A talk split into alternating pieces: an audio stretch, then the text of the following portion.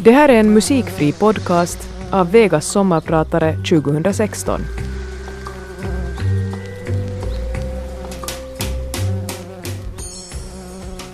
Tala om att bli förvånad, ja till och med chockad, när det gick upp för mig att jag kan hamna ut för allvarliga problem med polisen på grund att jag bara ville hjälpa till efter skoldagen hade tagit slut. Året var 1991 och jag hade just fått mitt första jobb i Finland.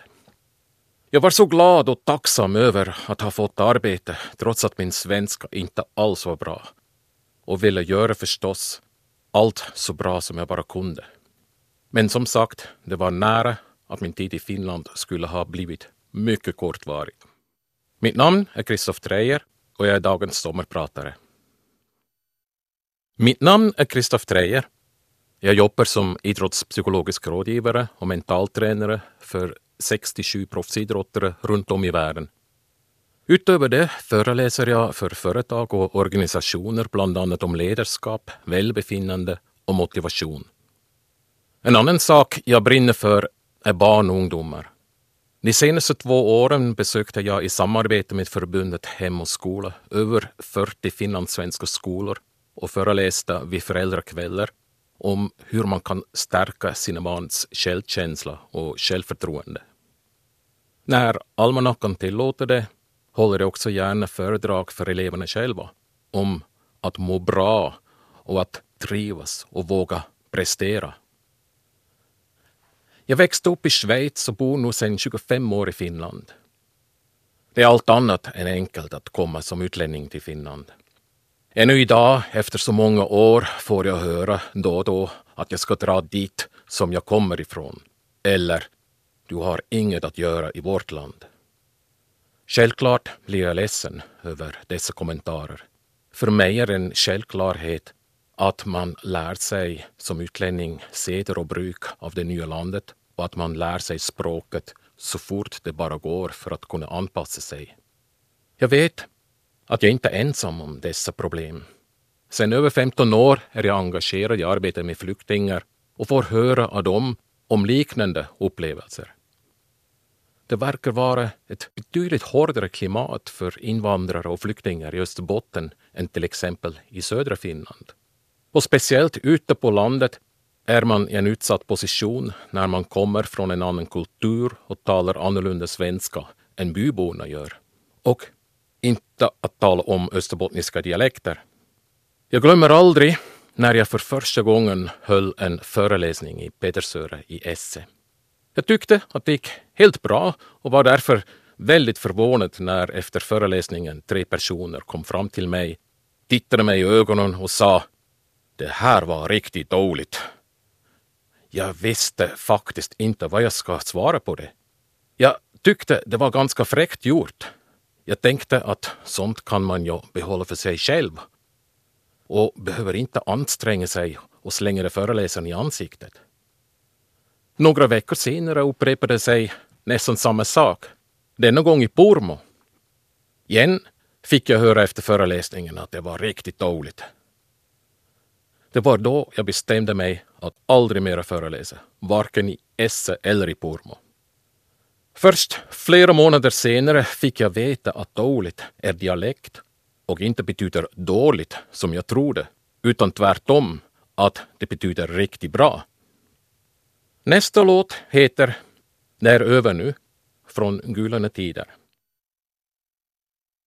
Det är över nu, från Gyllene Tider. Den här låten spelades mycket när jag kom till Finland och väcker fortfarande många minnesbilder från den där tiden i mig. Jag har redan varit inne på hur svårt det kan vara att lära sig svenska när man redan är lite äldre. Egentligen har jag alltid tyckt om språk. Jag har det så kallade Schweizerdeutsch som modersmål och lärde mig i skolan tyska, franska och italienska, som är helt vanligt i Schweiz att man gör så. Det som många inte vet är att schweizarna måste lära sig faktiskt tyska i skolan. I princip som ett främmande språk. Hur olikt Schweizerdeutsch är från tyska märker man när man vet att en tysk inte alls kan följa med ett samtal mellan två schweizare som talar Schweizerdeutsch Så olikt är dessa två språk. Men tillbaka till tiden när jag kom till Finland och lärde mig svenska. Året var 1991 och jag hade just fått mitt första jobb i Finland. Jag var så glad och tacksam över att ha fått ett arbete trots mina mycket begränsade kunskaper i svenska. Om jag tänker tillbaka så måste jag erkänna att jag verkligen var dålig på svenska. Jag var väldigt lycklig lottad att jag trots det fick jobb som idrottsinstruktör och gympalärare. Jag kommer för alltid ihåg när jag var på väg hem efter sista gymnastiklektionen. Det var en grå septemberdag och regnet öste ner. När jag gick till min bil frågade jag en flicka från klassen som jag just hade undervisat, som jag visste att hon bor i ett hus längs vägen som jag ska köra, om hon vill ha en kyss. Nej, nej, svarade hon och blev riktigt upprörd. Jag fattade ingenting och frågade en gång till. Vill du inte ha en kyss när det regnar så där? Du blir ju genomblöt. Hon sa igen på skarpan nej, absolut inte. Nåja, jag tyckte det var en mycket märklig reaktion av henne och körde iväg utan att tänka desto mera på det. En halvtimme senare ringde flickans mamma och var arg som bara den. Hon frågade mig vad jag egentligen sysslar med. Jag förklarade lugnt för henne att jag bara frågade hennes dotter om hon vill ha en kyss när det regnar så. Då skrek mamman att det är precis därför hon är så upprörd och hotade med polisen och så vidare. Jag fattade förstås ingenting. Vad har polisen att göra med det? frågade jag henne. Det tog ganska länge tills jag förstod henne och hon förstod mig. Det är inte alltid så lätt att uttala svenska ord korrekt som utlänning. Och det är lätt hänt att vill du ha skjuts blir till vill du ha en kyss när man inte förstår att uttala orden korrekt. Sen den dagen frågar jag aldrig mera om någon vill ha ett skjuts utan frågar istället alltid för säkerhets skull. Vill du åka med? Vad passar bättre i samband med en sån här regnig historia än från Rainbow I surrender. Ofta får jag frågan hur jag orkar med allt arbete och ändå vara positiv och glad och sprida energi. Naturligtvis är jag inte alltid positiv och glad. Det kan de personer bekräfta som känner mig riktigt bra. Men att vara positiv och sprida energi ingår också i mitt arbete. Jag tror knappast att någon är intresserad att gå och lyssna på en halvdeprimerad föreläsare som talar om hur eländigt allt har blivit och att antagligen allt kommer att bli ännu värre. Likaså händer det i princip aldrig att någon anlitar mig som coach bara för att säga att allt är bra bara. Jag stortrivs med det jag gör och hur mitt liv ser ut just nu. Allt är bara bra. Utan det är oftast i kris och besvärliga situationer som idrottare eller företag tar kontakt med mig. Och då förväntas det professionalitet av mig som coach. Det är inte läge att säga oj, dina problem skulle jag gärna ha. Det är ju ingenting jämfört med mina egna. Det krävs en hel del empati när man jobbar så nära med människor. Och ibland är det svårt att hålla sig neutral. Med neutral menar jag att man förstår hur det känns för människan. Det vi också kallar för empati. När vi däremot känner precis likadant som en människa, så då kallar vi det för sympati. Det är ibland en hårfin balansgång mellan att känna sympati och empati. Jobbar man med människor, oavsett i vilket jobb, får man aldrig känna sympati med någon, utan det ska handla om empati. Man ska kunna föreställa sig hur det känns, men inte känna likadant. Jag vet, det är mycket lättare sagt än gjort. På ett liknande sätt förhåller det sig också med att vara professionell och att vara engagerad. Jag vill gärna dela med mig vad jag lärde mig av en erfaren sjukhusläkare i samband med engagemang och professionalitet. Han berättade ett konkret exempel för att få oss att förstå skillnaden mellan att vara engagerad och professionell. Det var på en BB-avdelning och en svår förlossning var på gång.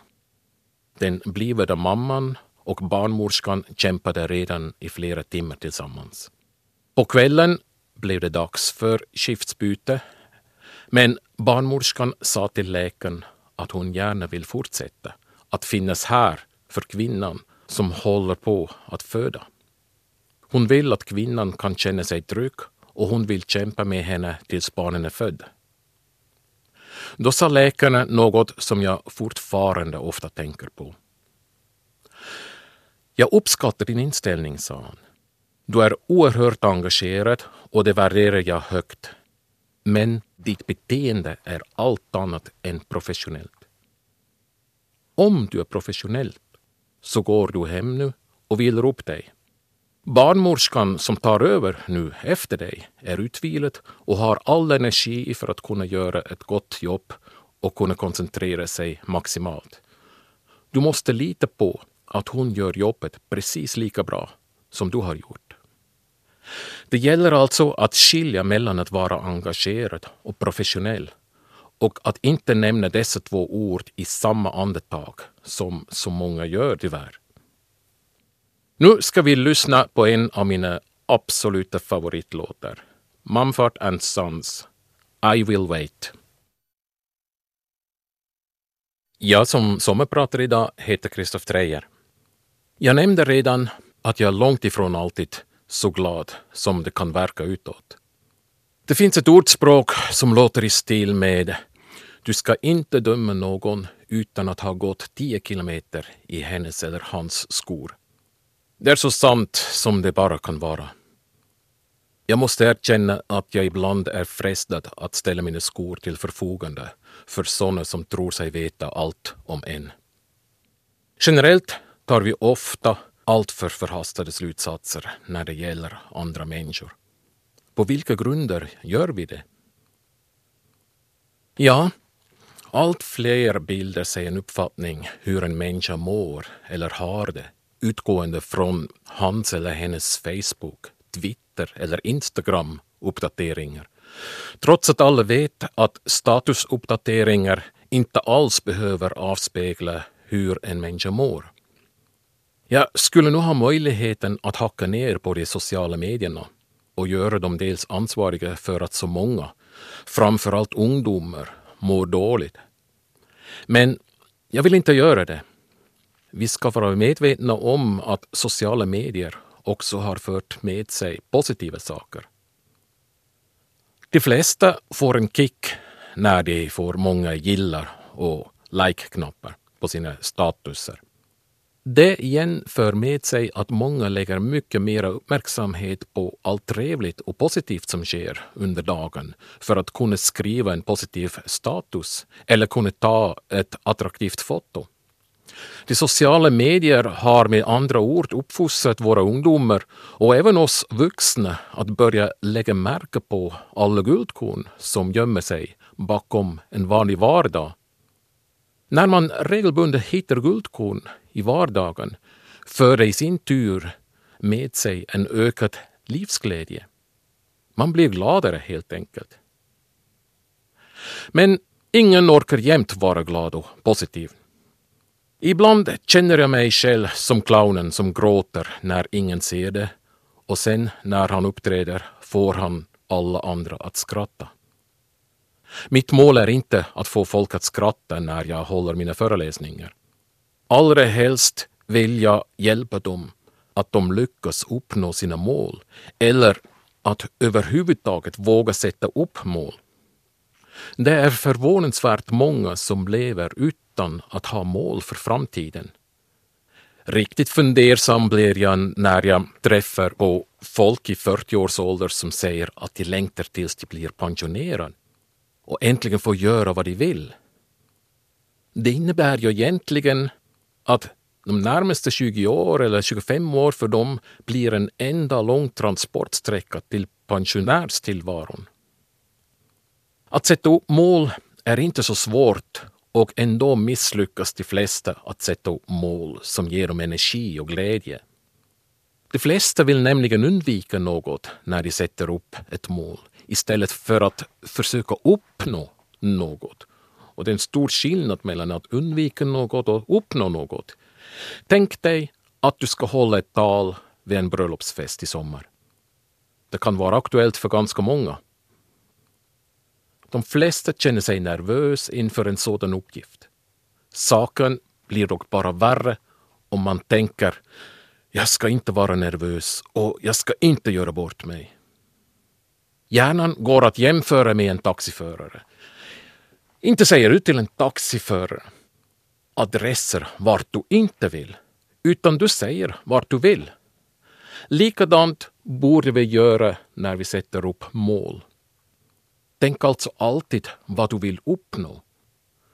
I vårt bröllopstal-exempel betyder det alltså att du tänker istället för jag ska inte vara nervös, så tänker du jag ska hålla mig lugn och ska tala tydligt och långsamt. En annan sak som är värd att tänka på när vi pratar om mål är frågan varför. Varför vill jag uppnå detta mål? Varför vill jag lyckas med det här? Svaret ger dig en bra fingervisning hur det ser ut med din motivation. Vill du göra det för dig själv eller vill du göra det för någon annans skull? Med få undantag har vi mycket större motivation när vi gör det för vår egen skull än när vi gör något för någon annan. Taxiprincipen och frågan varför är två enkla verktyg som fungerar i alla lägen när det handlar om att sätta upp mål. Ett annat fenomen i all vår vardag är stress. Det finns många sätt att beskriva stress. Jag tycker bäst om den här beskrivningen. Stress är när mina förväntningar inte längre stämmer överens med verkligheten.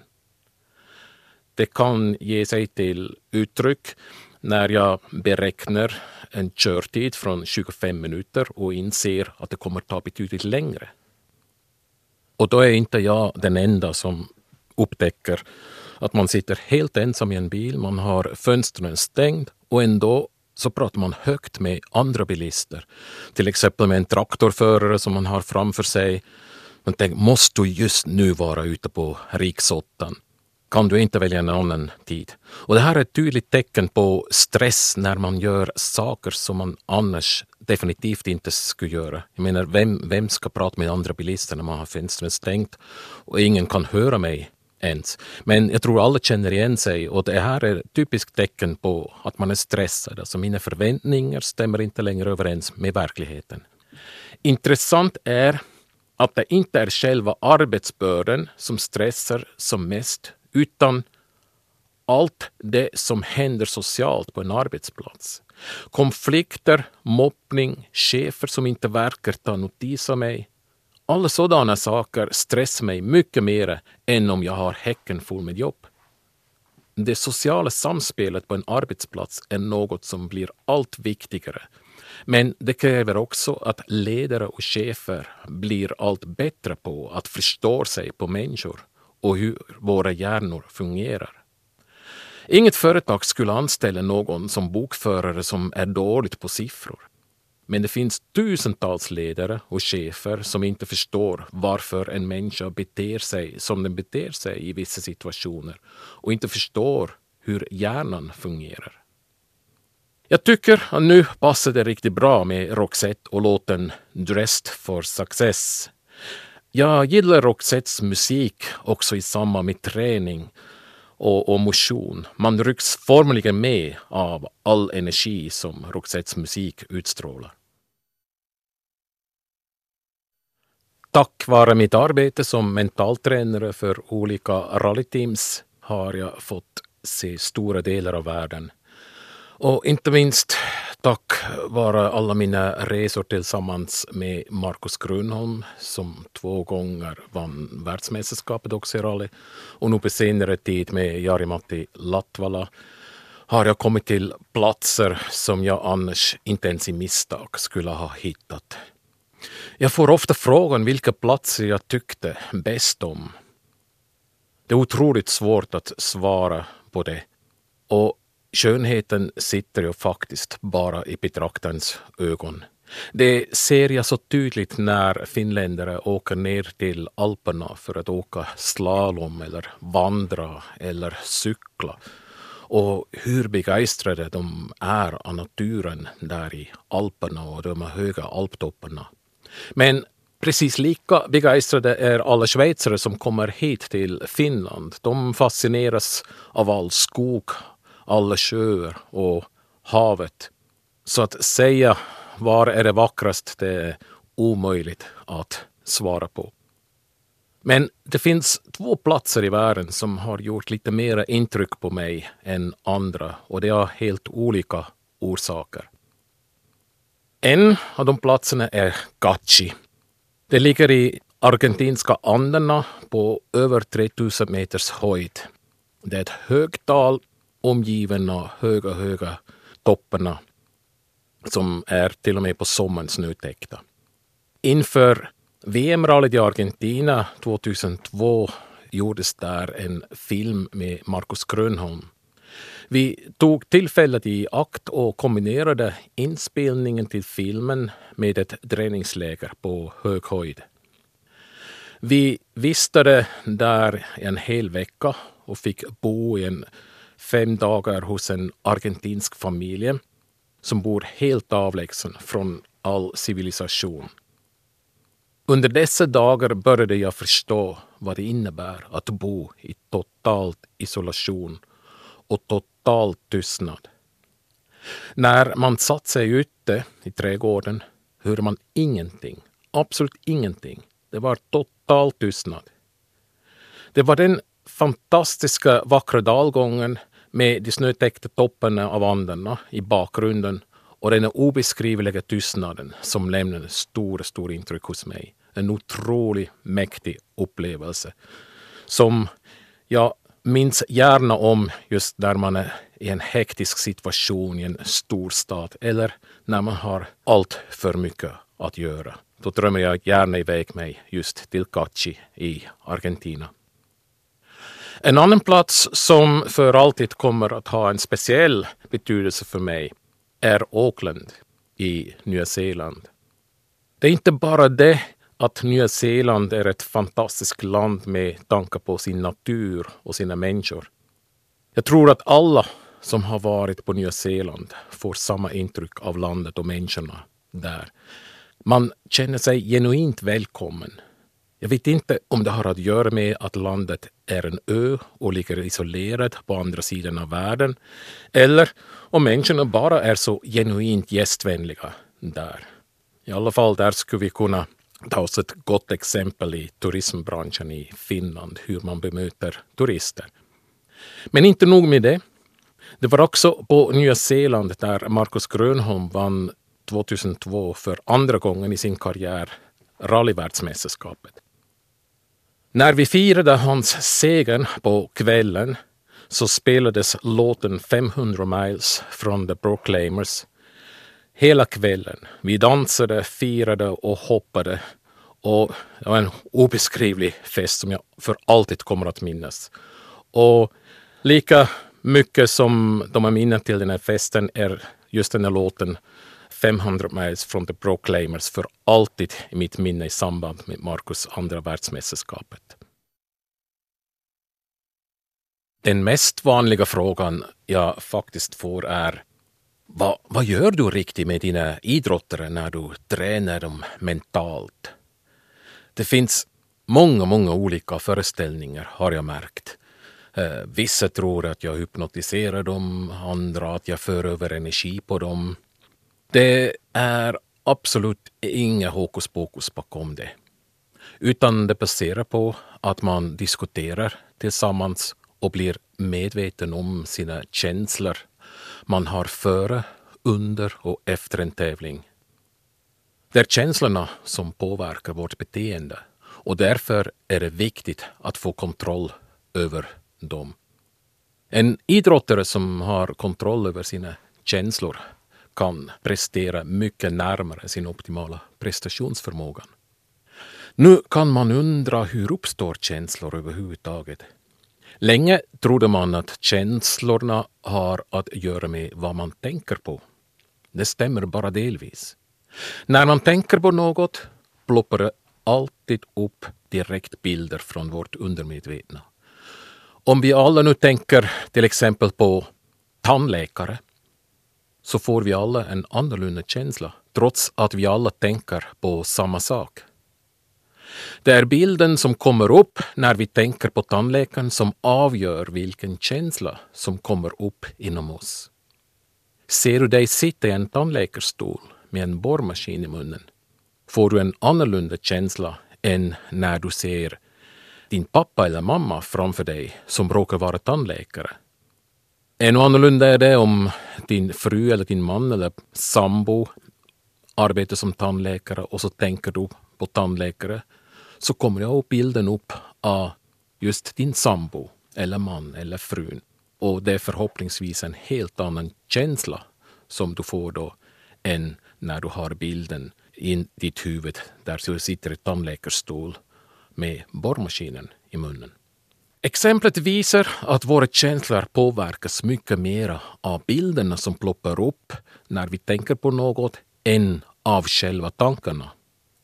Vi kan alltså ta kontroll över våra känslor genom att vi blir medvetna om vilka bilder som kommer upp i vår hjärna när vi tänker på vissa saker. Om vi en gång har kommit till insikt om det och blivit medvetna om det är det fullt möjligt att byta ut negativa bilder mot mera positiva. Vi tar igen ett exempel. Om jag får en obehaglig känsla när jag tänker på min chef har högst antagligen att göra med att det ploppar upp en negativ bild av chefen så fort jag tänker på henne eller honom. Tänk i framtiden på en annan bild när du tänker på din chef. En positiv sådan. Tränar du på den nya, mera positiva bilden av chefen dagligen i ungefär tre veckors tid så lyckas du förändra dina känslor som du upplever när du tänker på din chef. Och det gäller sen också i framtiden. Testa det.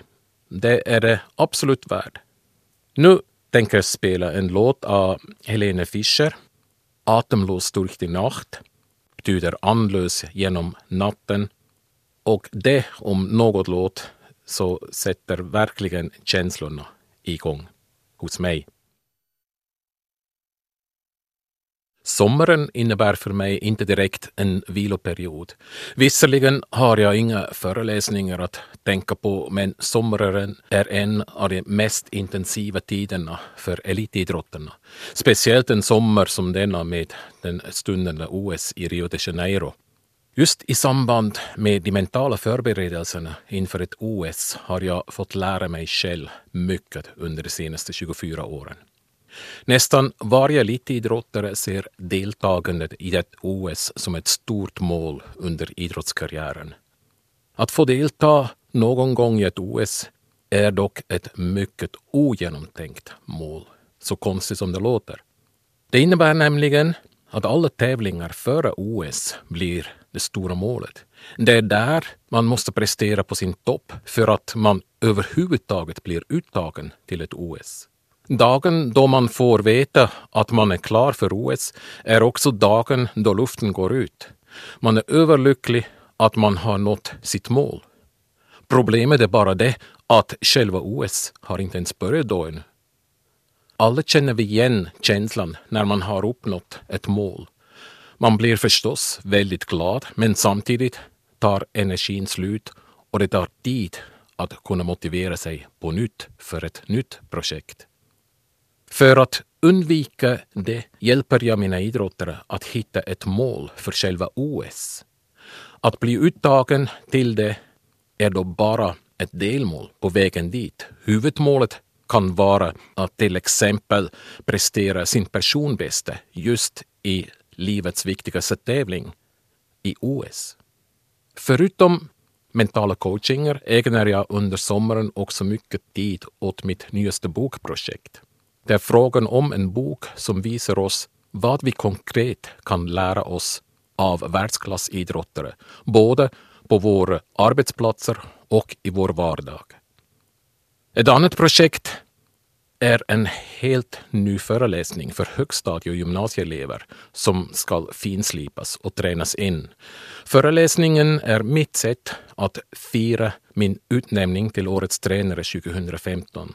Istället för att ställa till med en fest bestämde jag mig att bjuda nio finlandssvenska skolor på en gratisföreläsning som handlar om att må bra, att trivas och att prestera.